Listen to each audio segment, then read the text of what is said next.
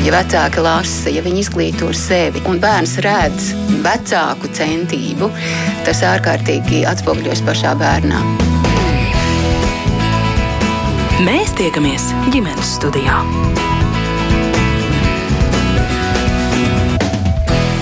Labdien, klausītāji! Ir pierādīts, ka bērnu autosēdeklīšu lietošana var samazināt bērnu bojājas risku par 71% zīdaiņiem un par 54% bērniem vecumā no 1 līdz 4 gadiem.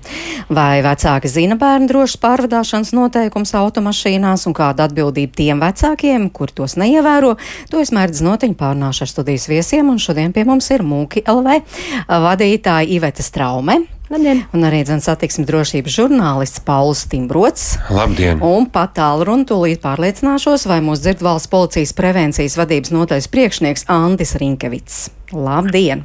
Labdien! Labdien! Jā, runāsim šodien arī par to, ko tas nozīmē droši pārvadāt bērnu automašīnā karstā laikā, bet vispirms uh, kādas skumjas ziņas vai skumja fakta atgādinājums. Tātad jūnijā ceļu satiksmes negadījumā gāja bojā zīdainis, jo bērns automašīnā atradies ratu kulbā, kas nav bijusi piesprādzēta. Jā, nu valsts policijas pārstāvim tātad jautājums tas tāds absolūts izņēmuma gadījums, kad bērns zaudēja dzīvību uz ceļu, jo viņa vecāki neievēroja drošības prasības viņu pārvadājot. Um, nu, ja mēs runājam par šādu traģisku gadījumu, kad zīdainis iet bojā, tad tie tiešām uh, ir uh, reti, paldies Dievam, reti izņēmumi. Tomēr um, jāatgādina, ka katru gadu aptuveni, nu sliktākajā gadā līdz pat desmit nepilngadīgām personām iet bojā satiksmes negadījumos. Protams, ne visas, ne visas šīs personas ir uh, gājušas bojā uh, transporta līdzeklī, tātad kā pasažieri ir arī daļa gājēji. Tomēr nu, aptuveni des, desmit bērni, diemžēl, katru gadu iet bojā. Jāsaka, par laimi pagājušajais gads bija izņēmums un bija tikai trīs bērni gājuši bojā. Tomēr, tomēr šī, šīs nelaimes notiekās. Nu jā, netik traģiski arī bērni cieš, nevienmēr iet bojā, un tas, protams, ir jau daudz lielāks cipars. Bet kāpēc kulbā nedrīkst pārvadāt? Droši vien tagad um, skatos uz Ivetas traumi. Kulbā patiesībā ir jāizšķir divas, divi varianti. Ir tādas speciāla, speciālas ratu kulbas, kuras patiesībā var piesprādzēt mašīnā, un kurā ir arī paredzēts drošības josts, lai piesprādzētu pašu bērniņu tajā kulbā. Jāteic gan, ka Latvijas ceļu satiksmes noteikumi šādu pārdošanas variantu īsti nepiemin. Līdz ar ko mēs varētu diskutēt un interpretēt, vai tas Latvijā ir atļauts. Man patīk teikt, ka nav. Tāpēc, ka patiesībā tas nav drošs variants un ir pasaulē daudzas valsts, kurā šādā veidā nedrīkst pārvadāt bērnus, kurā ir skaidri norādīts, ka nedrīkst, vai kur drīkst pārvadāt tikai ar speciālām ārstu izziņām par to, ka šiem bērniem ir kaut kādi medicīniski apstākļi, kāpēc tas ir nepieciešams. Tādēļ nu, tāda. Um, Nu, es savu bērnu tā nevestu. Es savu bērnu izvēlētos pārvadāt autosēdeklītī ar skatu pret braukšanas virzienu, kas ir pats drošākais variants sevišķi zīdaiņiem.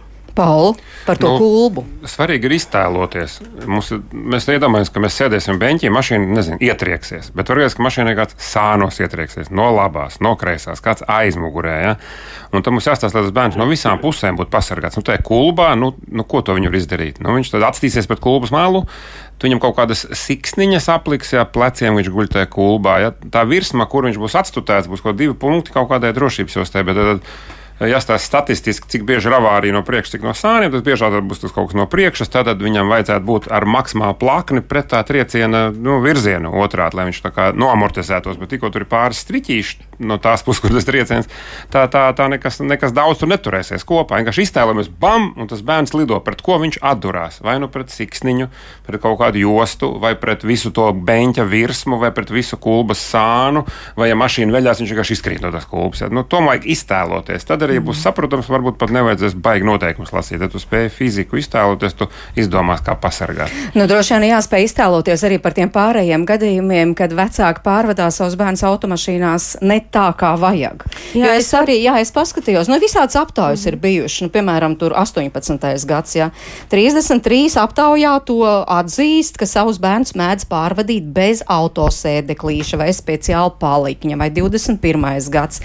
28% vecāki pārvadā savus bērnus automašīnā nepiesprādzētus un galvenokārt tieši vecākus bērnus, kur sēž aizmugurē. Tā varētu turpināt un turpināt, jā. Bet kādas, kādas vēl varētu būt Diem, tās diemžēl situācijas? tās situācijas tādas ir, ka mēs Latvijā jau runājot par bērnu drošību automašīnā, atšķirībā no daudzām, teiksim, nu, varbūt apzinīgākām valstīm, kur tā satiksmes drošība ir jau sasniegusi citu pakāpi, mēs tomēr runājam ar vienu vēl nevis par to, kā bērnu pareizi piesprādzēt, bet ka viņu vispār vajag piesprādzēt. Un es satiekot arī e, savus kolēģus, teiksim, ārzemju kaut kādos semināros par šiem jautājumiem, es viņiem saku, ka tā ir tā mūsu īpatnība, ka mēs nesaprotam, ka ratu kūbu parasto, kur mēs noņemam no ratu rāmi, es nevaru iemest aizmugurē uz sēdekļa nomest un vienkārši tādā veidā braukt un domāt, ka bērns būs pasargāts. Viņš nebūs. Tas ir tāpat kā pārvadāt bērnu vanniņā vai gultiņā.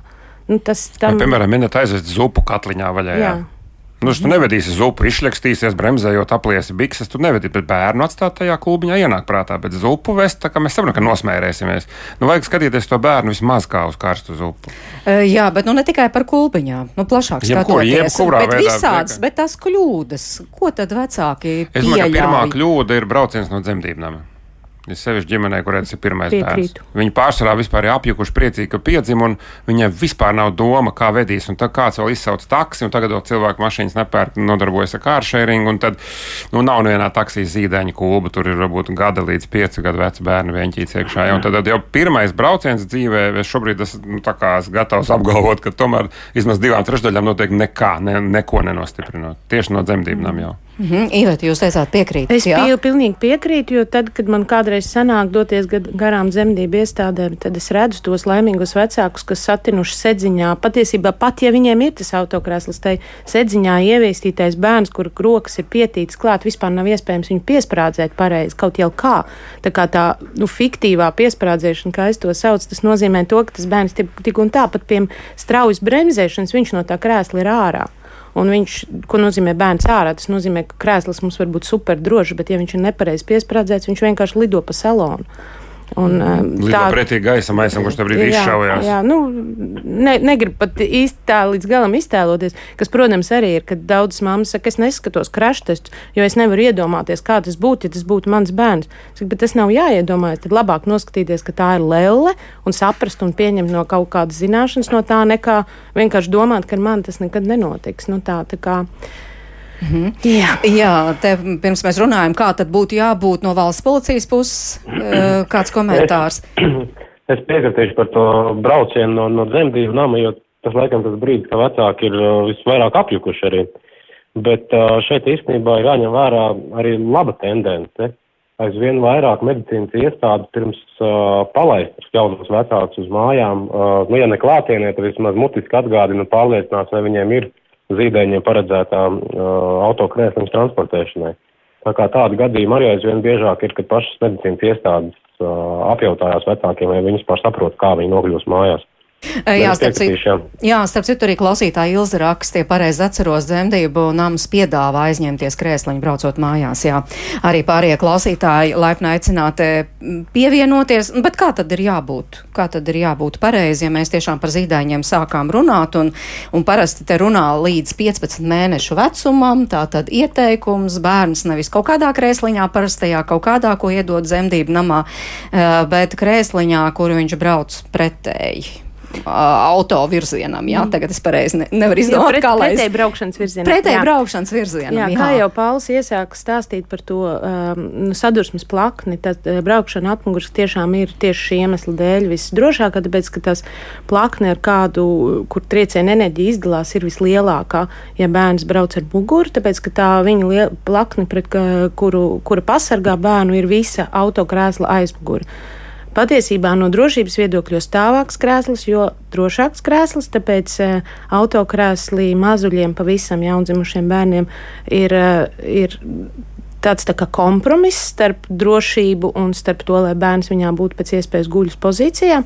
Un, uh, un tas nozīmē to, ka uh, nevajag vecākiem domāt, ah, šis krēsliņš ir par stāvu, palikšu tur kaut ko apakšā, palikšu rul, rullītī ar dvieli zem dupša, vēl kaut ko tur pakoriģēšu, un tagad tas viss samazina šī autokrēsla drošību un bērnu drošību tajā autokrēslā. Tā kā viņš ir tas krēsls ir jālieto tā, kā ir norādījis ražotājs. Um, krēsls ir jāpiesprādzē tā, kā ir norādījis ražotājs. Un uh, arī bērniņš viņā ir jāpiesprādzē droši. Um, Jā, bet Nu, faktiski, lai- faktiski nu, nevajag jā. skatīties noteikumus vai punktus, jo cilvēks ar pārstāvā punkta dēļ kaut kādu krēslu nopērk, kaut kādas mm. -hmm. lences pārmet un jūtās izpildījis šīs te valsts eh, prasības. Bet vienkārši paņem to bērnu, piesprāstīt beņķītī un pakrati. Nu, vai apgriez otrādi. Jā, apgriez Turās otrādi. vai neturās. Jā. Ja viņš apgriežot to beņķi otrādi, izkrīt, nu, tu neko tur nesi piesprādzējis. Tātad domā tālāk. Ja? Bet iz, izpildīt vienkārši kaut kādas valsts uzdodas prasības, pat punktuāli, tas neko nedod. Domā pats, tas ir tavs bērns, un nu, uztaisīt to vēl nebūs ne tik viegli, ne ātri. Nu, vienkārši paņem, piesprādzē, pagāz to beņķi. Nu, ir, ir, nav, nav. Nu, tas, tas, Nu jā, bet kāpēc tomēr pretēji tai braukšanas Tāpēc- virzienam? tāpēc, jo tur arī tā bērnu fizioloģija tā ir ir tā, no tas svara. pletnes efekts. Nu, tā kā uzsita pletni, vai ne? Tad tā bērna galva, kur te brīdī ir smagākais orgāns, laikam, kas viņam vispār ir salīdzinājumā 25% ar pieaugušu cilvēku, viņam galva ir milzīga, un to tu nevari piesprādzēt. Tad, tad tu esi ceturdaļu rumpja atstājis vaļā. Tu esi piesprādzējis tur plaušiņas un ribiņas, bet galva karājās. Un, ja tas sitiens nonāk tādā pretējā virzienā, tam tajā mašīnā, kurā beņķīts tad ir mugurus priekšā, kāds ieskrien aizmugurē. Tādi ir ļoti slikti, bet tā ir daudz retāk nekā tā mašīna pati kaut kur ietriecās. Tāpēc mēs varam atļauties statistiski likt tā. Bet, ja būs trieciens no aizmugures, tik un tā būs slikti. Tad bērna galva izveido šo te pletnes principu, viņš būtībā nu, pakārsies no tā trieciena, noraust tos kaklas kriemeļus. Tieši tik šausmīgi tas būs. Tāpēc uh, mēs ceram, ka, ja būs avārija, tad drīzāk no priekša, tāpēc liekam otrādi un visdrīzāk būsim pasargāti. Bet mēs esam to risku samazinājuši, nevis neutralizējuši. Nu jā, bet es tagad lieku. Pak, pak, pak, Jā, pametēšu. piekrītu, Jā, es piekrītu. Uh, ir vēl arī tā, tas uh, statistikas pie, piekrīt, ka viss, uh, nu tā kā es pat neteiktu visbiežākās, bet vispostošākās nopietnās avārijas tiešām ir frontālās, un ar to aizmuguri ir tā, ka ja uh, ieskrien aizmugurē, tad visbiežāk abi spēkrati kustās vienā virzienā. Tas Nu jā, nozīmē mazāks to, tas. ka tas trieciena spēks ir būtiski, būtiski mazāks. Tāpēc, ka nu, tā pavisam vienkāršot, ja mēs te neieejam fizikā, un tā, tad tas ir e, tie savstarpēji ātrumi mīnusojās. Ja viens brauc ar 50 km un otrs ieskrien ar 70, tad principā sadursme ir 20 km/h. Pretēji ir, ja mēs braucam pa pilsētu un saskriens divi, kas brauc uz 50, tad tie ir 100 km/h. Un līdz ar to šī atšķirība arī rada to būtisko uh, trieciena uh, tā kā atšķirību. Un, uh, nu, tā kā ieskrien aizmugurē, patiešām bērnam ir būtiskas hospitalizējums traumas. Es laikam neesmu pat ārzemes aptverot. Nu, jau rēķina pats, tā kā tu pats saki, ja Jā. tā mašīna kaut vai stāv, Jā. kurā bērns piesprādzē, un otra ietriecās. Mums ir vienas mašīnas Jā, ātrums, vienas bet ja purns jā. purnā saskienās, tad tur ir divu braucošu mašīnu ātrumu, kas visdrīzāk būs lielāka. Jā. nelaime. E, Jā, bet par to sēdeklīti, nu, kur tas bērns sēž tā kā otrādi, ja, pretēji braukšanas virzienām, tu tur ir visādi vecāki raksti, bet nu kā viņam cevišķi, ka paaugās līdz 15 mēnešiem, viņam tur kājas nav vērti, kur nolikt. Bērnu nevar saskatīt, ja, piemēram, bērns sēž aizmugurē, it kā bērns neredz, kas tur aiz loga, piemēram, notiek un tam līdzīgi un tam līdzīgi, un tāpēc šitāda sēdeklīte nē. Tie visi ir mīti. Absolūti visi, un ir pat tādi daudz raksti internetā, kur ir 10 vai 15 mīti par atmugurisko braukšanu. Mani bērni, tā lai visus iedvesmotu, ir braukuši abi divi līdz septiņu gadu vecumam atmuguriski. Uh, un, un viņi, tad, kad viņi tika pagriezti uz priekšu, tad aptuveni divas nedēļas bija pirmā sajūsmas entuziasms, un pēc tam viņi teica, mamma īstenībā bija daudz foršāk atmuguriski, un tie ir septiņgadīgi bērni, tā nav kaprīze vai kas tam līdzīgs. Pirmkārt, kājas var sākt kārtot, protams, ne visās automašīnās. Mazāk automašīnā tas būs varbūt limitētāka tā iespēja, bet jebkurā automašīnā bērns var izbraukt līdz 3-4 gadiem atmuguriski. Pilnīgi jebkurā. Nissan mikro var ielikt autokrēslā atmuguriski. Um, bērnu saskatīt uh, palīdz spogulis, un brīnišķīgs lieta, manuprāt, īstenībā jau jaundzimušiem bērniem, kad ir mazais sēdeklīts, visi atmuguriski. Tā kā, nu, tas ir, tās visas lietas ir atrisināmas, piemēram, Zviedrijā bērni a priori brauc līdz 3, 4 gadiem atmuguriski. Tur tāda diskusija, un 5, 6, 7 gadi atmuguriski. Tā ir nu, bieža parādība. Tā varbūt nav nu, viss pašsaprotama, bet lielākā daļa man pazīstamo zviedru ģimeņu, kur es esmu jautājis, viņi saka, ka nu, jā, plus mīnus līdz skolai viņi brauc atmuguriski. Bet iedomājamies, nu, tāpat fizikā, kā mēs tagad braucam, nu, māte, kur grib pablenst uz savu bērnu. Nu, viņa brauc pieņemsim, 50 km/h un divas sekundes paskatās uz bērnu, kuram mutē ir ar šokolādi. Viņa ir nobraukusi tajā laikā 30 metrus. Neko neredzot. Nu, un, ja pastāstīs vēl vairāk sekundes, tad vēl vairāk. Un par to, lai varbūt citi pieci bērni, kas mazliet lielāk iznākuši uz ceļa priekšā, viņi viņus neredz, viņi ir aizskatījusies. Mm. Tā kā skatīties uz bērnu braucot ir nu, diezgan bīstams un muļķīgs mm. pasākums. Ko tu tur ieraudzīsi? Jā. Viņš ko ar aizkarus dedzina? Nu, ko viņš jā, tur dara? Zin, taču, ko Tad apstājies malā un paskaties, ko viņš tur dara. Nevis brauc pa ceļu pilnā gāzē un skaties atpakaļ uz savu bērnu un neredzi svešus bērnus, kas iet pāri ielai. E, Jā, mēs te vairāk par. Jā, Es varu pabeigt šo Jā, tēmu. jā, lūdzu. 92, 95% zviedru, kur Zviedrijas pieminu, tāpēc, ka tā ir visdrošākā, vismaz Eiropas rakursā, bet, manuprāt, arī pasaulē vislabākā statistika viņiem ir par bērnu eh, traumatismu, satiksmes drošību. Tad, tad viņi, viņi 92, 95% uh, izli- izvieto bērnus priekšējā blakus sēdeklī. Un uh, lielā mērā nevis tāpēc, ka tā būtu kaut kā uh, tehniski visdrošākā vieta, lai gan atmuguriski braucot tā ir ļoti droša vieta bērnu, bet tieši tāpēc, lai neskatītos uz netīro mutu aizmugures sēdekli. Tāpēc, ka uh, Zviedri ieskaita satiksmes drošībā arī nenotikušās avārijas, kuras nav notikušas dēļ tā, ka mēs novēršamies no, no ceļa, lai paskatītos, mm. teiksim, mammu ko Jā. Bērns grib aizmugurē. Un tas ir ļoti, ļoti liels iemesls, ka bērns ir turpat, un tad nevajag pat ne spoguli, tad nevajag neko. Vienīgi jāatcerās atslēgt cērbēks. Jā, bet eh, nu, tomēr vēl, kamēr es jautāšu arī Rinkevits Mhm. kungam, eh, tā tad tehniski visdrošākā vieta vispār ir tāda mašīnā šajā ziņā, kur tad, ja ir tikai viens bērns, saprot, ja trīs, četri, Mēs aizrunāsimies ar. Paulu par šo jautājumu, bet principā es varu ātri izstāstīt savas divas te teorijas. Viena, eh, man noteikti šī zviedru pieeja pa priekšējo patīk, atmuguriski braucot. Tāpēc, ka šī vieta nav tik droša priekšā braucot eh, cilvēkam, kas sēž uz skatu uz priekšu, bet eh, s- bal, eh, braucot atmuguriski, tā eh, atzveltne balstās uz paneli, un panelis īstenībā ir ļoti spēcīga eh, automašīnas konstrukcija. Un tāpēc, teiksim, arī pat pie deformētām automašīnas virsbūvēm tā paneļa vieta īstenībā sargā to bērnu no tās aizmugures. Ja tur ir atslēgts gaisa Jā, protams, mm -hmm, protams, ir protams, savādāk jā. viņš izšauj un tur aiziet viss krēsls un bērns. mm, Nu, tā kā debesīs, video jā. arī ir. Ir, protams, jā, bet cil cilvēkiem to ir jāatgādina.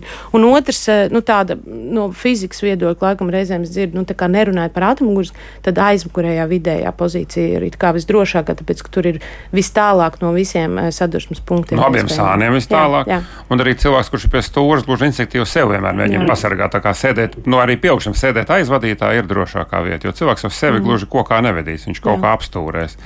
Tā kā aiz, nu, ja gribās blakām, tad jāgribās skatīties. Vidū viņš var kājas izstiept, jā, un viņš ir uh, uz vidus konsoles, kur parasti vai no kardāns vai izpūtēs tā ir mašīna. Tad stiprākā struktūrāla daļa, daudz stiprāk nekā sliekšņi. Un tā tādā ziņā sānu triecienos arī daudz drošāk.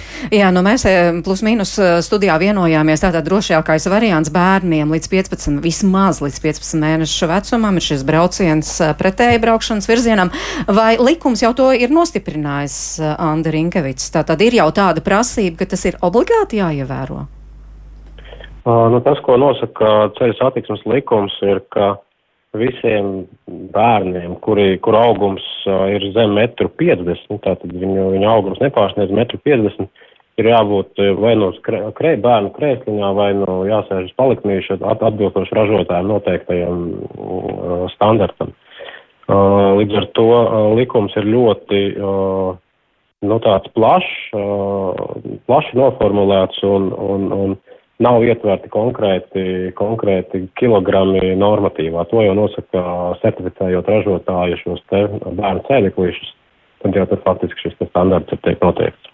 Jā, bet tātad, ja šāds sēdeklīts nebūs mašīnā, tas nebūs pārkāpums. Nu, ja būs sēdeklīts, brauc, brauc tāds gadu vecs bērniņš ar skatu uz priekšu, tas taču nebūs pārkāpums. Viņam jābūt nofiksētam atbilstoši ražotāja noteiktajam ā, šim te standartam, kā, kāds ir. Uh, Un pēc būtības uh, tās ir vismaz divas, divas šīs fiksācijas. Pašam autokrēsliņam ir jābūt piefiksētam un arī bērnam autokrēsliņam. Uh, Jo tā jau ir tā problēma, ko jūs arī iepriekš minējāt ar šīm ratu kulbām. Viens ir, ka bērns pirmkārt faktiski ir neatbilstošā pozīcijā guļus, uh, bet otrs ir, ka lielākai daļai kulbu nav iespējas uh, piefiksēt pašu ķermeni. Tā kā tā, kā tā tā, tā problēma. Bet, Jā, jā, lūdzu. nē, turpiniet. Aha. Jā, nu tad par lielākiem bērniem. Mēs tā kā vairāk es... par tiem mazākiem runājam, bet jā. par tiem lielākiem, jo arī tur tas sēdeklīšu klāsts ir vienkārši milzīgs. Mm. Un mēs atkal atgriežamies vecāki, kuriem varbūt pirmais bērns.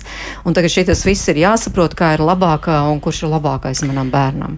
Un kurš ir drošākais, protams. Patiesībā es paturpinot, varbūt mazliet to tēmu par to uh, pārkāpums, nepārkāpums. Tiešām tas likuma punkts ir tieši tik plašs, ka šajā brīdī, kad uh, Eiropas Savienībā ir spēkā divas paralēlas certifikācijas, tad patiesībā ir viennozīmīgi pateikt, kādā veidā ir jāpārvadā bērns, ar kurā virzienā nemaz nav iespējams. Tāpēc, ka ir vēl ar vienu vecā, ja nemaldos, 96. gadā pieņemtā R44 certifikācija, kas ir vienkārši, man liekas, aizvēsturiska, bet viņa ar vienu tiek stiepta un stiepta garumā. Un, uh, ir sēdeklīši, kur tiek ražot saskaņā ar šo, uh, kuri tiek uh, certifikācijai testēti ar 30 km ātrumu stundā, kas ir pārkinga ātrums. Uh, un, manuprāt, nav nopietni. Un ir daudz striktāk jaunā aizsaiz, jeb R129 direktīva, kur it kā iet uz šo te, ka ir šie 15 mēneši atmuguriski, un, un, ir, un ir arī nopietnākas, teiksim, certifikācijas prasības, testējot pašu krēslu uz 50 km/h un arī sānu sadursmēs. Tas nozīmē to, ka šie krēsli jau ir drošāki pēc savas būtības un ir lielākas prasības ražotājiem. Un, attiecīgi, ja vecāks teorētiski, tā juridiski, ja mēs pieejam šim jautājumam, ja vecāks vedīs šādā aizsājas certificētā krēslā bērnu skatu uz priekšu, tad pirms 15 mēnešu vecuma, tad viņš pārkāpa likumu. Jautājums, vai policija to spēs fiksēt un vai vecāku sodīs, un kā pareizi Pauls teica, es pilnīgi pievienojos, satiksmes notiekumi ir absolūts minimums. Tas, ir, tas nav tā, ka ja mēs pus, puslīdz izpildām satiksmes noteikumus, tad bērns ir drošība. Patiesībā vismaz reiz desmit ir jāpareizina tas, kas rakstīts Latvijas satiksmes noteikumos, jo tas ir minimuma minimums, ko jebkuram saprātīgam cilvēkam būtu jāizvē, jāizvērtē. Savukārt, tālāk par to, ka bērniem ir dažādas, eh, dažādi šie ierobežojumi attiecībā uz augumu un, un svaru, tas arī ir atkarīgs tāpēc, ka ir vecā direktīva, kas bija pēc svara, tagad jaunais ir pēc auguma. Līdz ar to vecākiem tiešām. Man liekas, ka es te nevarētu ne stundā, ne divās stundās izstāstīt tā, tā skaidri un saprotam, ko un kā un kas ko aizstāja šobrīd. Vienkāršāk ir atrast uzticamu pārdevēju, doties pie šī cilvēka klātienē, nevis nopirkt internetā vai vēl sliktāk sludinājumā kaut ko, kas aptuveni der, un pamēģināt, jo nav labākā krēsla, ir piemērotākais krēsls. Vienā mašīnā šis krēsls ir super saderīgs, un viņš labi fiksējās, un viņu ir viegli instalēt, un tam līdzīgi. Ir cita automašīna, kurā, piemēram, automašīnas jostas garums neļauj nofiksēt šo krēslu pareizi. Tā kā Mhm. Autokrēslu pirkt klātienē, pie zinoša konsultanta, ielikt automašīnā, ideāli ielikt viņā arī bērnu. Pārliecināties, ka arī bērns viņā jūtas komfortabli, nevis pēc pirmajām desmit minūtēm jau ir palicis automašīnas josts zem paduses un brauc tādā veidā. Nu jā, es gribēju, lai jūs precizējat, nofiksēt pareizi, ko tas īsti nozīmē. Pir, pir, pašā sākumā, kamēr bērns ir aptuveni metru garš, ja līdz aptuveni 4 gadiem, līdz metrs vai pēc vecā regulējuma 18 kg, bērns fiksējās automašīnā ar 3 vai 5 punktu drošības jostām. Tas nozīmē, ka atbildību par bērnu piesprādziešanu uzņems vecāks. To ir iespējams viegli izpētīt, mazliet iedziļināšanās, un vecāki jau var, nu, kā tas nav nekāds kosmisks mhm. zinātnes. Sliktāk ir tad, kad vecāki steidzas un ļoti mazus bērnus pārliek jau nākamajā sēdeklī, kur bērns sprādzies ar lielu automašīnas jostu, un tad atbildība tiek pārnest uz bērnu. Tāpēc, ka bērns ir tas, kurš šajā elastīgajā jostā e, ir spiests saglabāt pareizu pozīciju, zināt, ka viņam ir jāsēž taisni un viņš nedrīkst aizmigt. Tāpēc, ka ja viņš aizmigs, tad viņš sašļuks tā, kā to neparedz šī pareizā pozicionēšana. Tāpēc es vienmēr vecākiem atgādinu, katra nākamā grupa, ko mēs uz augšu pakāpjamies pa trepītēm, bērnu kraisliņu apma, e, kā, šajās te klasēs, kategorijās, viņa ir ar vienu nedrošāku, jo viņa mazāk e, kā, aizsargā bērnu, vairāk pārceļ atbildību uz to, ka bērns pats spēs par savu drošību rūpēties. Jā, bet nu, tiešām krēsliņš vien nepasargās. Tur arī kā tas bērns nu. piesprādzēts, ir tāds viena pirksta princips, kas nu, it kā izklausās vienkārši. Lietas, ko, jā. ko cilvēki negrib ņemt vērā. Šajos laikos, kad ģimenes bieži vien šķirās un bieži vien, kad tas bērns vēl nav sācis iet skolā, tad notiek šī stafetes maiņa. Viens otram atdod bērnu. Nu, tas notiek ļoti bieži.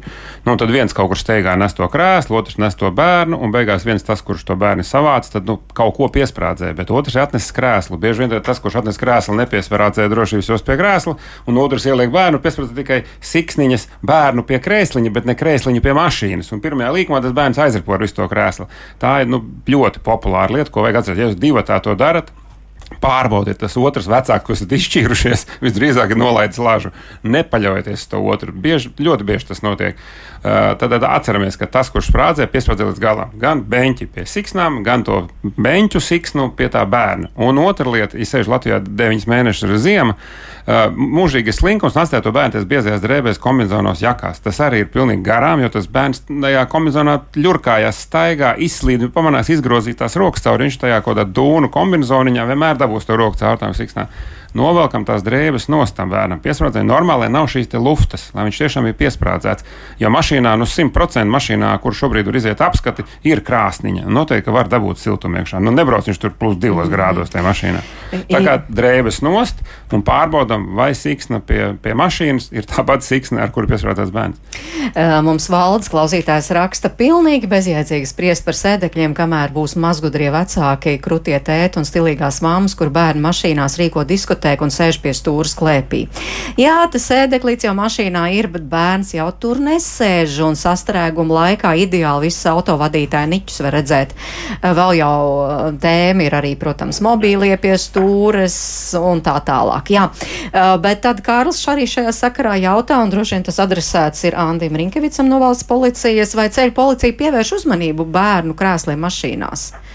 Nu, un visiem šiem, kā te, piemēram, ja tur tāda diskutēka vietējā notiek mašīnām.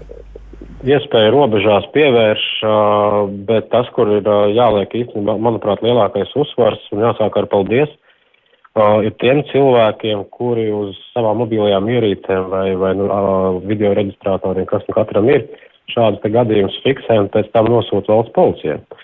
Um, jo nevienmēr mēs esam klātesoši tajā vietā, tajā sastrēgumā, un, un kamēr arī policija ierodās, ja viņi tiek izsaukt, paiet laiks. Uh, un mēs tiešām aizvien vairāk, vairāk arī no cilvēkiem saņemam šīs te mm, ierakstus, tātad fiksētos pārkāpumus, un tad jau mums ir pamats vismaz runāt ar šiem pārkāpējiem, kuri šos pārkāpumus rupjos ir veikuši, uh, un iespēja robežās viņus saukt arī pie atbildības.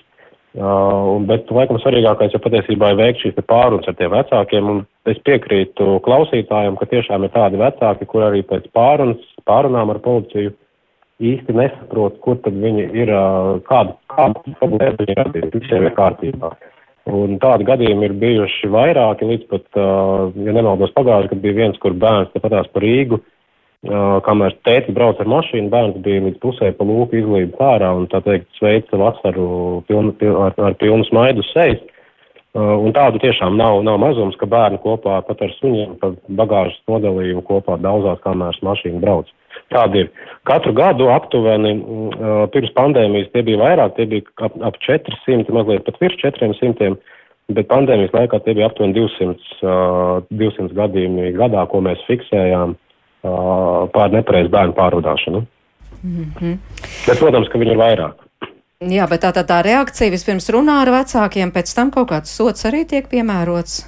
Ja kas... Tiek uzsāktas, tieši tiek uzsākta, protams, lietvedība, un nevienmēr ir iespējams sodu piemērot, bet iespēja robežās tas tiek darīts, jā, jo tas tomēr ir smags pārkāpums. Nu, re uzreiz vēl divi jautājumi. Vecāki sarosījušies, lai neizdarītu kaut ko nepareizi. No kāda vecuma drīkst vest bērnu kabrioletā? Māja jautā. Ir vispār kaut kā tāda īpaša uh, Tieši tāpat kā norma. Mm. Mm. Laikam tur nekāda atšķirība nebūs, vai ne? Jā. jā, vai arī uh, no cik gadu vecuma bērns var sēdēt mašīnā bez palikņa? Tad nu, ir no tik garš, ka viņam neiet pāri mutē drošības jostai. Tas vienkārši. Nu. Ne, tur pat patiesībā jā, nav mutē, bet tiešām ir 1,50 m. Tas nu gan ir satiksmes noteikumos atrunāts. Un, un ir arī daudzas valsts, kur patiesībā līdz 1,25 m nemaz nedrīkst sēdēt uz palikņa, bet ir jāatrodas paliknī ar sānu un muguru. Jā, atgādina tas turīgākās valstīs. Mm, bet es saprotu, ka Latvija arī uz to iet. Jā, kā, ja tā, tad, kad direktīva beidzot būs stājusies pilnībā spēkā aizsēst pie mums, tad tas tā arī būs Latvijā. Atgādina mūsu klausītājiem pie mums studijā šodien Muki LV vadītāja Ivets Straume, satiksmes drošības žurnālists Pauls Timrots un valsts policijas pārstāvis Andris Rinkevits. Mēs tātad par bērnu drošu pārvadāšanu automašīnās raidījumā otrajā daļā parunāsim arī par karstumu, bet pirms tam vēl, starp citu, arī ģimenes studija pirms šī raidījuma veids tādu mini Twitter lietotāju aptauju, un mēs jautājām, vai cik bieži esat veduši bērnus automašīnā nepiesprādzētus, un atbildes šādas 77% atbildēja nekad, 19% ļoti reti, bet 4% teica, nu, laiku pa laikam. Tātad kopā, ja saskaita 19 plus 4, tas ir 23%. Tomēr atzinās, ka tādas situācijas ir. Un tad tur arī komentāri, nu, piemēram, atzīšos, esmu vedusi meitu kulbā, gan piesprādzētā, ne autokrēsliņā, un pāris reizes man klēpīja pie krūts, jo nebija variantu apstāties, un viņai histērija. Tas mani grauza un vēl vairāk grauž, un es apsil, apsolos, ka tā vairs nekad nedarīšu. Un vēl kāds komentārs, es pie šīm diskusijām jūtos kā sliktākā māma pasaulē, jo ir mammas, kuras nekad nav izvilkuši bērnu no krēsliņa braukšanas laikā, lai kā viņš bļautu un trīcētu. Es tā nemācēju. Vai arī, piemēram, e, Ivars arī te papildina par šo pašu tēmu, braucot mašīnā, bērni regulāri trako un ārdās, sāk kaut kādas spēles, guļas viens otram virsū, stāja pa drošības jostas. Mēs 30 reizes prasām, lai kārtīgi sēž savā vietā un nestāja drošības jostas, bet jēga maza. Ko darīt? Nu, tur ir pavisam vienkārši, jo nu, tam bērnam jau kustēties vajag, vecāki mūžīgi izdomā varoņdarbus, piemēram, izpūst cauri polijai vai vienā piegājienā nonākt liepājā. Un nepadomājot, ka tam bērnam vajag pirms tam izkustēties, pirms tam pačurot, pirms tam paēst un ik pa stundai izkāpt ārā un paskraidīt un tad braukt tālāk. Bet nu, mūžīgi kaut ko tēvu izdomā, ka viņi tagad ir baigie daļna bošķiki, un viņi tagad rulēs bez apstājas uz savu Disneylandu Parīzē. Un tā, protams, tie bērni sāk mest tos kūliņus, bļaustīties un darīt, jo bērns ir bērns, viņam jākustās. Tad, tad plānojot ceļojumu bērnu, neieplānojot, ka jūs būsiet liepājā pēc trim stundām stundām, ieplānojot pēc četrām. Nu, nebūs savādāk. Vai arī uz pusceļu bļausiet uz tiem saviem bērniem. Tad, ceļojums ar bērnu ir garāks nekā ceļojums vienkārši, eh, nezinu, tētim, māmu atvaļinājumā. Tad tas ir jāparedz. Un, ja jūs to nesat paredzējuši, ja jums nav līdzi, ko viņam padzerties, nav paredzēta šī vietas apstāšanās, gaidiet nepatikšanu. Nu, pat tiem mazākajiem tie jau tā kā nu, izskrieties nevar, bet sāk bļaut un tam līdzīgi. Nu, ar mazajiem bērniem ir vienmēr ir jārēķinās ar to, ka pirmkārt ir kaut kāds režīms parasti tomēr, un var gandrīz labāk ieplānot, kad viņš tiešām gulēs, ja, un plānot tos garos gabalus braukt tā. Un, eh, un arī vienmēr, nu, tāds ļoti bieži jautā uh, vecāki par to, ka daudz kur ir teikts, ka 20, 30 minūtes drīkst atrasties tajā autokreisliņā. Es tieši to gribēju ir, ir jautāt. Jākāp, jā. Patiesībā ir tā, ka 20, 30 minūtes uh, atgādinājums par autokreisliņiem vairāk, cik es esmu ar fizioterapeitiem runājuši, ir par to, lai bērnu neva, nevadātu pēc tam šajā pašā autokarēsliņā uz ratu rāmi pa lielveikalu. Lai tad, ja mēs atbraucam uz, teiksim, nezinu, lielveikalu desmit minūtes ceļā, pēc tam desmit minūtes reiķinamies atpakaļ mājās, tad tajā brīdī, kad mēs ieejam šajā veiklā, mēs pārliktu bērnu ratiņos un viņš varētu izkustēties, iztaisnoties. Labi, viņš nevar izskrieties, bet viņš tik un tā grib papelties uz sānu vai tam līdzīgi, respektīvi mainīt šo te savu ķermeņa pozīciju vai, vai pagulēt uh, sev ērtākā pozīcijā, un tad tas tam ir šis ierobežojums. Ja mēs reizi mēnesī aizbraucam uz laukiem un tās ir stunda ceļā un bērns guļ saldi, viņš nav jā, pēc 20 minūtēm jā, jāmodina augšā un jākrata, nu, jāizpurina. Viņš tikpat labi var nobraukt pusotru stundu, pagulēt sev dienas un galā iz, izkustēties dubultā. Nu, tā, tā kā Tas vienmēr ir jāpatur. Un arī ļoti svarīgi, ja mēs runājam par bērniem, kuru vecums ir tāds, ka viņiem jau saprot aizrādījumu, nebļausties nelēkā un tam līdzīgi. Tad daudz prātīgāk ir nevis viņus vienkārši vest, bet nodarboties viņam spēlēm, kāds var spēlēt pa ceļam, lai tiem bērniem ir interesanti. Piemēram, izdomājiet, viens bērns skaitīs sarkanās mašīnas, otrs dzeltenās. Viņi to blenzīs pa logu ārā, vispār bez apstājas un telefona nepašīs. Vai arī jūs izdomājat, viens skaitīs ūdens torņus, lauka ceļā malā, otrs govis. Un vai vecāki var piedalīties, vai, piemēram, negribās ja ārā nekā nav braucat pa tuneli, lādējiet kuģus uz šī burbuļu kāpēm. Kurš jau vairāk vārdiņus atceries burbuļu kā sīkiem interesanti spēle notiek, ģimene kaut ko kopā dara. Jūs jau esat būtībā atvaļinājumā un izklaidē un spēlē un rotaļā jau braucot mašīnā. Tā kā neliekam bērniem, kurš neskrien. Viņš tā nemāca. Ja, nodarbiniet viņus ar kaut ko. Ir ļoti daudz spēļu, kurš spēlē mašīnā, mm. neko mm. nekustoties. Un bērns arī tā garīgi sakoncentrējies un piekus no tā izdomāt uz burbuļu M vairāk vārdu. Viņš piekusīs. Viņš aizmigs pēc kāda brīža. Tā kā negurķojamies, ne, ne, neņemam tā, nedaram tā, ka neņemam bērns galvā, spēlējamies ar viņiem mašīnā. Bet vēl atgriežoties pie tiem mazajiem bērniem, Ivet, jūs teicāt stunda, nu labi, tad tā ir stunda pie vecmāmiņas uz laukiem, bet ja pie vecmāmiņas uz laukiem tās ir 3-4 stundas, nu, tad ir, un tas mazulīts ir mašīnā. Jā. Tad tā ēšanas pauze jāparedz. Jā, tad ir jāzina ēšanas pauze, nezinu, tad vajag ieplānot pusstundiņu dabas takā pa ceļam. Nu, vienmēr cikot to pasākumu vajag plānot.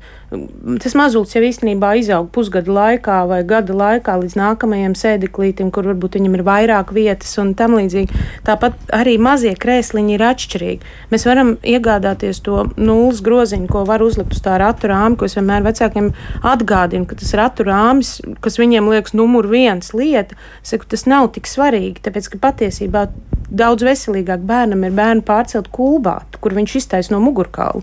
Bet nu, tas ir cits stāsts, ne par drošību drošību. Mm -hmm. bet, eh, bet ir arī teiksim, autokrēsliņi, kas ir paredzēti 0 līdz, līdz 18 kg, kas ir līdz 4 gadu vecumam. Viņu čauli ir daudz plašāki, viņi mazāk svīst, jūtās ērtāk, labāk var kustēties krēsliņu drošība nemainās. Patiesībā viņi pat biežāk vecāki uz viņiem uz šāda veida krēsliem netaupa un nopērk drošāku, stabilāku, pārliecinošāku autosēdekli. Nu, tā nevajadzētu, kā te māma rakstīja, ja, ka tur uh, klēpī pie krūts, piemēram, pabarot uh, brauco, braucienu laikā vai arī izvilkt no krēsliņa un tā teikt paudzināt. Nu, kādā gadījumā tu nevari apstāties ceļa malā?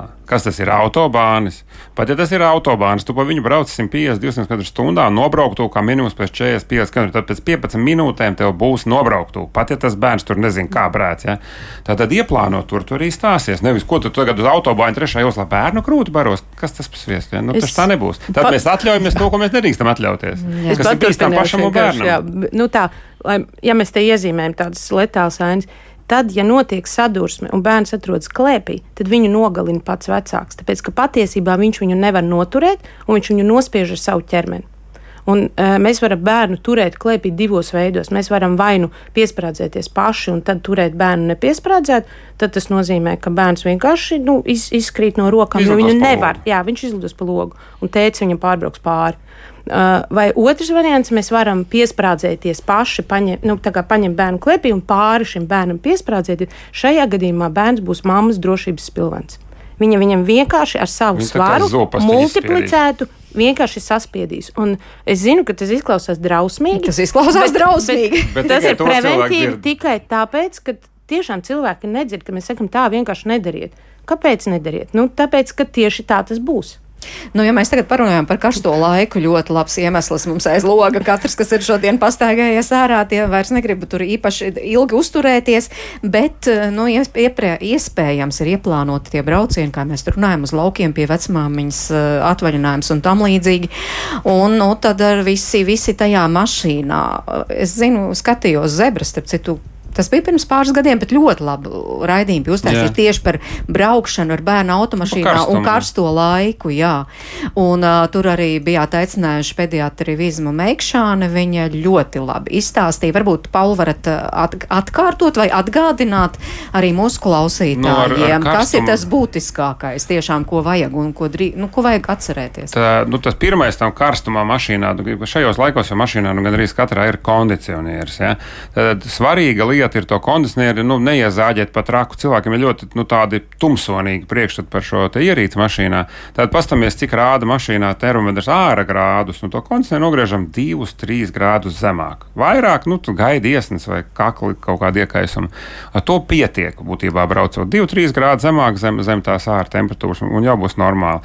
Neatstājam to bērnu tajā mašīnā, neatstājam to mašīnu saulē, ja kaut kur atstājam pasmēs, kur ir ēna vai pēc, kur pēc brīža pagriezīsies saulē, tur būtu ēna. Jūs varat likt arī tos ēnu stikliņus, tādas ir tādas sietiņu nobergas rada ēnu, vai arī tāda folijas pielīmējuma gabala pie, pie loga, kurus var pārnest no vienas ēnu uz otru. Ja vajag radiet tam bērnam maksimāli to ēnu tajā mašīnā. Un, un to vēsumu, ja nav kondicionieris, nu paveriet bišķiņu logu vaļā, nu skatās paši pēc sajūtām, mm -hmm. cik kuram bērnam caurvēja. Jā, starp citu, tas, kas man palicis prātā, ko doktora Meišāna tur arī teica, ka vienmēr arī dar atcerēties tiešām šādā karstā laikā, pirmkārt, nu tā teikt, sagatavot mašīnu pirms tajā iekāpt, atvērt, nezinu, visus, uh, visas durvis durvis vai logus vai ieslēgt to kondicionieru, un tad tiešām, ja īpaši, ja bērns ir jāpārvadā, tad vismaz kāds desmit minūtes pagaidīt, jo Tur sakars tur jau viss. Tur ir tie paneļi sakars, Tur ir viens, tas pats krēsliņš. sakars, nākot klāt, attaisot mašīnu ar signalizācijas pulti. Lielākā daļa mašīnu atver visus logus, tad tu patur ilgāk pulti nospiest uz vaļā. Vienkārši tur viņš pēc kādām dažām sekundēm. Pamodīsies logu un atvērs. Tu pat pa gabalu vari atvērt to mašīnu, kad tu nāc klāt. Tas jau tev iedod laiku. Ja tas teicis vai mamma ir dikti gādīgs, viņš atnāk laicīgi uz mašīnu, iedarbina, parūcina jau to koncertu, jūt, ka nu jau virsmas vairs nav tik karstas, un tad tikai sauc bērnus, vai iet tad viņiem pakaļ uz, uz to upmalu vai, vai uz laukiem, kur nu ir. Tā kā sagatavot to mašīnu, un tā tās virsmas nav karstas, var gan atverot laicīgi logus, pat jau ar pulti, gan arī kādu brīdi padarbinot mašīnu ar ieslēgtu kondicionieri, lai ritīgi izpūš to visu cauri. Jo arī tas pirmais brīdis, kad iekāp mašīnā uzreiz ieslēdz to kondicionieri, būs pa, par augstu, uz ko mežas sievietes, kas nesaprot arī īsti fiziku, viņas kā grozīt tos kloķus. Bet tieši tas notiek, ka mašīna mēģina tev atdzesēt līdz tai vēlamajai temperatūrai, ko tu esi iestādījis, un kādu brīdi pūš augstāku nekā tu gribi. Kamēr sensors mašīnā uzzina, kas te- temperatūra ir sasniegta. Tā kā tas pirmais brīdis lekt un braukt vienmēr būs bīstams, un kāds no pasažieriem gribēs grozīt kloķus. Tad, tad uzsildām vai atdzesējam tā kā vajag, un tad sākam braukt. Jā, bet īvēt par to krēsliņu. Nu, es tā kaut kā nebiju aizdomājis, tiešām, nu, cik sakarsis, piemēram, šādā laikā ir tāds krēsliņš, ja mašīna kādu brīdi ir saulē. No Nu, apmēram tikpat, cik eh, mums pašiem, nu, teiksim, mēs Cik vakar. mēs negribētu Jā, vienkārši vakar iekāpu, nu, man ir um, daļai ādas sēdekļi, un es iekāpu uz melnu ādas sēdekļu ar īsiem šortiem. Bija, oh, bija jākāp ārā momentā. Tā kā līdzīgi sakars arī autokrēslu, uh, viņi, protams, tiek populārākie Latvijai ne melni, uh, bet pelēks krāsas autokrēslu, bet, es, uh, bet, bet parasti gaišus autokrēslus es praktiski apsvērumu vecāki neizvēlos. Tāpat autokrēslu sprādes ir metāla, tās sakars, Jostas tām ir melnas. jābūt ar melnām jostām. Tā kā, protams, ka ja ir iespēja un gādīgums, tad, tad un arī neņemat tos bērnus līdzi uz lielveikaliem, tāpēc, ka lielveikala autostāvvietā mēs noliekam mašīnu, mēs ieejam uz stundu lielveikalā, mm -hmm. papusdienojam, tur vēl iznākam ārā, un tad gan nevienam vairs negribās eh, tos desmit minūtes tur to mašīnu dzēsēt un, un gatavoties. Tā kā arī par to ir vienmēr jāpadomā, ka varbūt ka atpūsties mēs varam arī savādāk, nevis, eh, un, un ko es vienmēr katru vasaru atgādinu, mēs neatstājam bērnus automašīnā nepieskatītus karstā laikā, pat ja viņš ir ēniņā zem koka, un pat ja mēs esam ieskrējuši tikai maši, eh, no mašīnas pēc piena veikla, mēs neatstājam nekad. Un man ir liels jautājums tādā ziņā, tas, ko es arī labprāt dzirdētu no Riņķevicas kunga, um, kā pareizi būtu rīkoties tajā brīdī, ja es lielveikala stāvvietā eju garām un es redzu automašīnā atstātu mazuli, kurš raud. Uh, jo vispār, tik cik es esmu redzējis ārzemju pieredzi, tad tiek arī ļoti daudz sociālās reklāmas kampaņas vasarā vienmēr ir aktuāls, tāpēc, ka bērns var nomirt no sirds pārslodzes dažu minūšu laikā automašīnā. Un es pati esmu vienreiz dzīvē bijusi situācijā, kad man bija divgadīgs bērns, kurš paprasījās uz toleti, un uh, pusgadīgs bērns, kas bija mašīnā, autosēdeklī aizmidzis. Un es vienkārši domāju, nu, cik ir tā tolete. Es ieskriešu iekšā ātri to bērnu pačurināšu un būšu ārā. Es iznācu ārā nu 6, 7 minūtes. Tas bija maksimums, cik es biju iekšā. Bērns bija ļoti, ļoti uzkarsts. Viņš bija pārkarsis, jo viņš bija pārraudājies. Sirdsdarbība momentā pātrinās, temperatūra strauji kāp, tās īstenībā bija mums palēmējās. Es ātri viņu arī atdzesēju ar, uh, ar ūdeni un tā, bet patiesībā vēl minūtes dažas, un iespējams man būtu jāsauc ātrā palīdzība. Nu, tā Jā. kā mani interesē, teiksim, ko man kā pilsonim, citiem negudriem vecākiem, ja, ko, kā man būtu jārīkojas, lai šo bērnu, teiksim, citu izglābtu, un varbūt man var pakomentēt. Jā, pāradresē šo īvēc jautājumu Antim Rinkevicam. Lūdzu. Jā, nu, tur ir uh, divas lietas, īstenībā, kas ir jāņem vērā. Uh, pirmkārt, ir uh, šādos gadījumos obligāti vienmēr ir jāzvana glābšanas dienestam, un tad jau patiesībā vai nu glābšanas dienas vai savienos ar policiju, un tad man tālāk dežurēns nokonsultēs, ko darīt. Vai gaidīt ekipāžas ierašanos, kura tad faktiski atvērs mašīnu, nu, un tad jau tas tehnikas jautājums kādā veidā. Vai arī lūks jūs, vai nu, varbūt arī veikala apsargu iesaistīties, bet tas jau būs tad jau, jau, jau informācija no, no, no dežuranta puses. Bet tas, kas ir jāņem vērā, īstenībā ir, ka neatkarīgi no tā, kur jūs ejat, uz cik ilgu laiku jūs ejat un pie kādiem jums apstākļiem ejat, bērnu, kas ir jaunāks par septiņiem gadiem, nepieskatīt nevar atstāt vispār. Līdz ar to uh, šeit jau faktiski viena vien lieta ir izglābt bērnu dzīvību, bet otra lieta vecākiem jārēķinās ar nopietnām sekām par to, ka uh, viņš faktiski ir uh, pieļāvusi būtisku pārkāpumu attiecībā uz, to, uz tiem ierobežojumiem, ko nosaka bērnu tiesību aizsardzības likums. Bērni jaunāk par septiņiem gadiem atstāt vienu nedrīkst. Bet, nu, ja tāda situācija, nu, piemēram, tiešām varētu būt tā pašam ņemt, es nezinu, kaut kā ķieģeli un sist to logu ārā, tāda vispār ir pieļaujama? Lai glābtu tā, bērnu, jā, ja viņš tur tiešām ja šādā tā, tā, laikā tā, ir atstāts. Tā ir tāda, jā, teorētiska spriešana, protams, tas ir iespējams, bet vienmēr jāņem vērā ir, ka, uh, ja ir iespēja, tad labāk, lai to dara dienesti, jo tādā, tādā gadījumā tad mēs arī uzņemamies atbildību par tām sekām, kuras tiek radītas jo, jo nu, tās tie, tie gadījumi var būt, var būt dažādi. Bet, uh, protams, ka uh, normāli, ja neviena cilvēka apkārt nav un, un, un glāb, līdz glābēja ierašanām jāgaida pietiekami daudz laika, tad uh, es ieteiktu, jebkurā gadījumā uzzvanīt glābšanas dienestam, nokonsultēties, pateikt, ko jūs darīsiet, un tad jau faktiski rīkoties tālāk. Nu, man šķiet, ka pirmais būtu mēģināt vienkārši jau kaut kā dabūt rokā kontaktu ar pašu bērnu. Varbūt viņš ir runājams, varbūt mm. viņš saprot, kas notiek, varbūt viņš ir mieru pavērt logu šķirbā, nospiest podziņu, viņam var izstāstīt. Jo vienkārši tā novērtēt situāciju sekundžu laikā mesties ķieģot, uz šo bērnam viņš ir mūžs stostīties, pēc tam svešā tanti iz, izzvanīs, ņem mašīnā ķieģot logus un teiks, ka nāk palīgā. Viņš tur var nu, tiešām traumu dabūt, no pārbaidīties. Tad pirmais, vai uzsākam kaut kādu komunikāciju, paklauvējam, vai tas bērns par mostās uz klauvēšanu, vai viņš jau ir noģības un vairs nekam vairs neklaus.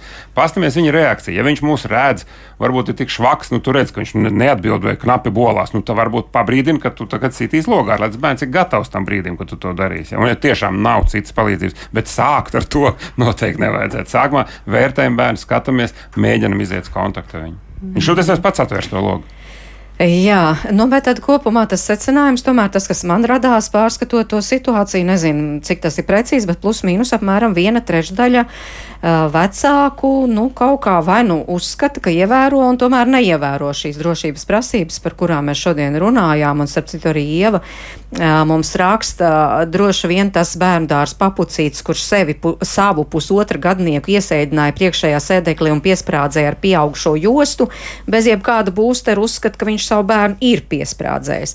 Bet cik aktīvai vispār ir jābūt tai sabiedrībai ar iesaistīšanos, nu, lai tā situācija tomēr aizvien vairāk un vairāk uzlabotos? Mēs te runājām par tādu, par tādu ekstremālu situāciju, apkarstums un citam ārā logu. Tu redzi, ka Bet... viņam lūka vaļā nofočēt, kaut kāds telefons ar šī kādam pasažierim mašīnā vai kādam, kas stāv uz pieturā. Un vienkārši liekam sociālīklos, reku tēvs varonis brauc ar diviem bērniem pa lūku ārā. Nu, stulbenis, nu, pasmējamies pa viņu. Ieliekam vienu, ieliekam otru, ieliekam bildīts, kāds viņu pazīst. Latvija maza, kāds viņam aizsūtīs to bildi. Vienkārši viņam kauns beigās būs, ka cilvēki viņu smējās. Tur nekāda agresija, tiesāšanos un, un miliču saukšana nav līdzēts. Vairāk ar smaidu un tādu publicitāti. Nu, ka tu vienkārši izskaties pēc muļķiem bērniem, kas ārā pa lūku, vai tiem, kas pa pakaļējo logu palot rāpoja. Nu, neizskatās gudri. Un tu saņemsi komentārus, kāds paziņš būs redzējis to tavu bildi, kāds tev nākamajās mājas viesībās pateiks, ka tu esi stulbs. Nu, tā tas lēnāk garā salabosies. Nu, es domāju, ka arī um, nu, teiksim, ceļu satiksmes drošības direkcijas esmu lūgusi vairāk kārt personīgi ir nepieciešams atgādinošas kampaņas vēlreiz un vēlreiz par bērnu piesprādzēšanu, par bērnu pareizu piesprādzēšanu. Mums ir kampaņas par dzērāju šoferiem un citiem svarīgiem jautājumiem nenoliedzam, bet, bet par bērnu drošību automašīnā. Tā kampaņa ļoti nav. precīzi lieta. Viņi tur trāpi tātad vecākiem, kuriem bērni no līdz. Tad mēs varam kampaņu taisīt dzemdību namā pie izējas, mm -hmm. bērndārzā pie ieejas un skolā pirmām četrām klasītēm pēc stundām. Kaut Viss, vai. mums nevajag visas somas aizsniegt un visus makšķerniekus. Mums ir ļoti precīza mm. auditorija. Mm. Mums Latvijā dzimst 15, kaut kāds 17 tūkstoši bērnu gadā. Uz tiem arī tātad jā. trāpam. Pietiek. Mm -hmm. Bet, nu, Omas tagad arī jā. pārvadā. Jā, jā, bet, nu, tad, jau nu, vasaras tad, laikā. Tad ir tā nodošana vienam otram un beņķīšu pārlikšana no mašīnas mašīnā. Tas tas riskantais. Bet es arī, es nezinu, varbūt, ka pēkšņi es kaut ko esmu palaidis garām, kas ir mainījies, bet es, eh, piemēram, aicinātu kaut vai elementāri lai katrs vecāks, kuram piedzimst bērns, saņemtu mātes pasi, taču ir bērnu no nu, apmācības kurs par bērnu zīdīšanu, autiņu, bikšu mājiņu un vēl.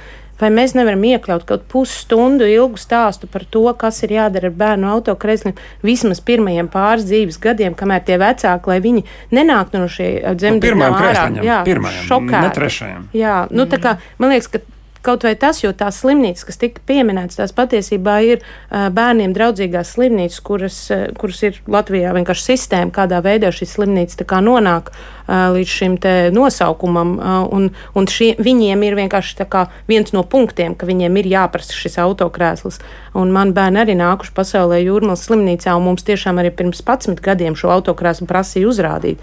Un paldies viņiem, ka viņi to dara. Bet, bet ir virkni Latvijas slimnīcu, kurās nonāk vecāki, kuriem piedzim šis pirmais bērns. Es pati esmu redzējusi un palīdzējusi autokrāsu, kur divas nedēļas vecs zīdainis mazajā autokrēsliņā bija piesprādzēts stāvlaukumā ar skatu uz priekšu, tāpēc ka mamma vienkārši nezināja, ka šo krēslu sprādzēja atmuguriski. Un viņa bija ar asarām acīs pateicīga, ka kādam nebija viena alga. Bet tas bija tikai jautājums par nezināšanu, nevis tāpēc, ka viņa negribēja. Mm -hmm. Jā, Anta Rinkevics, jums noslēguma vārds. Kā jūs redzat, kā situācija varētu uzlabot?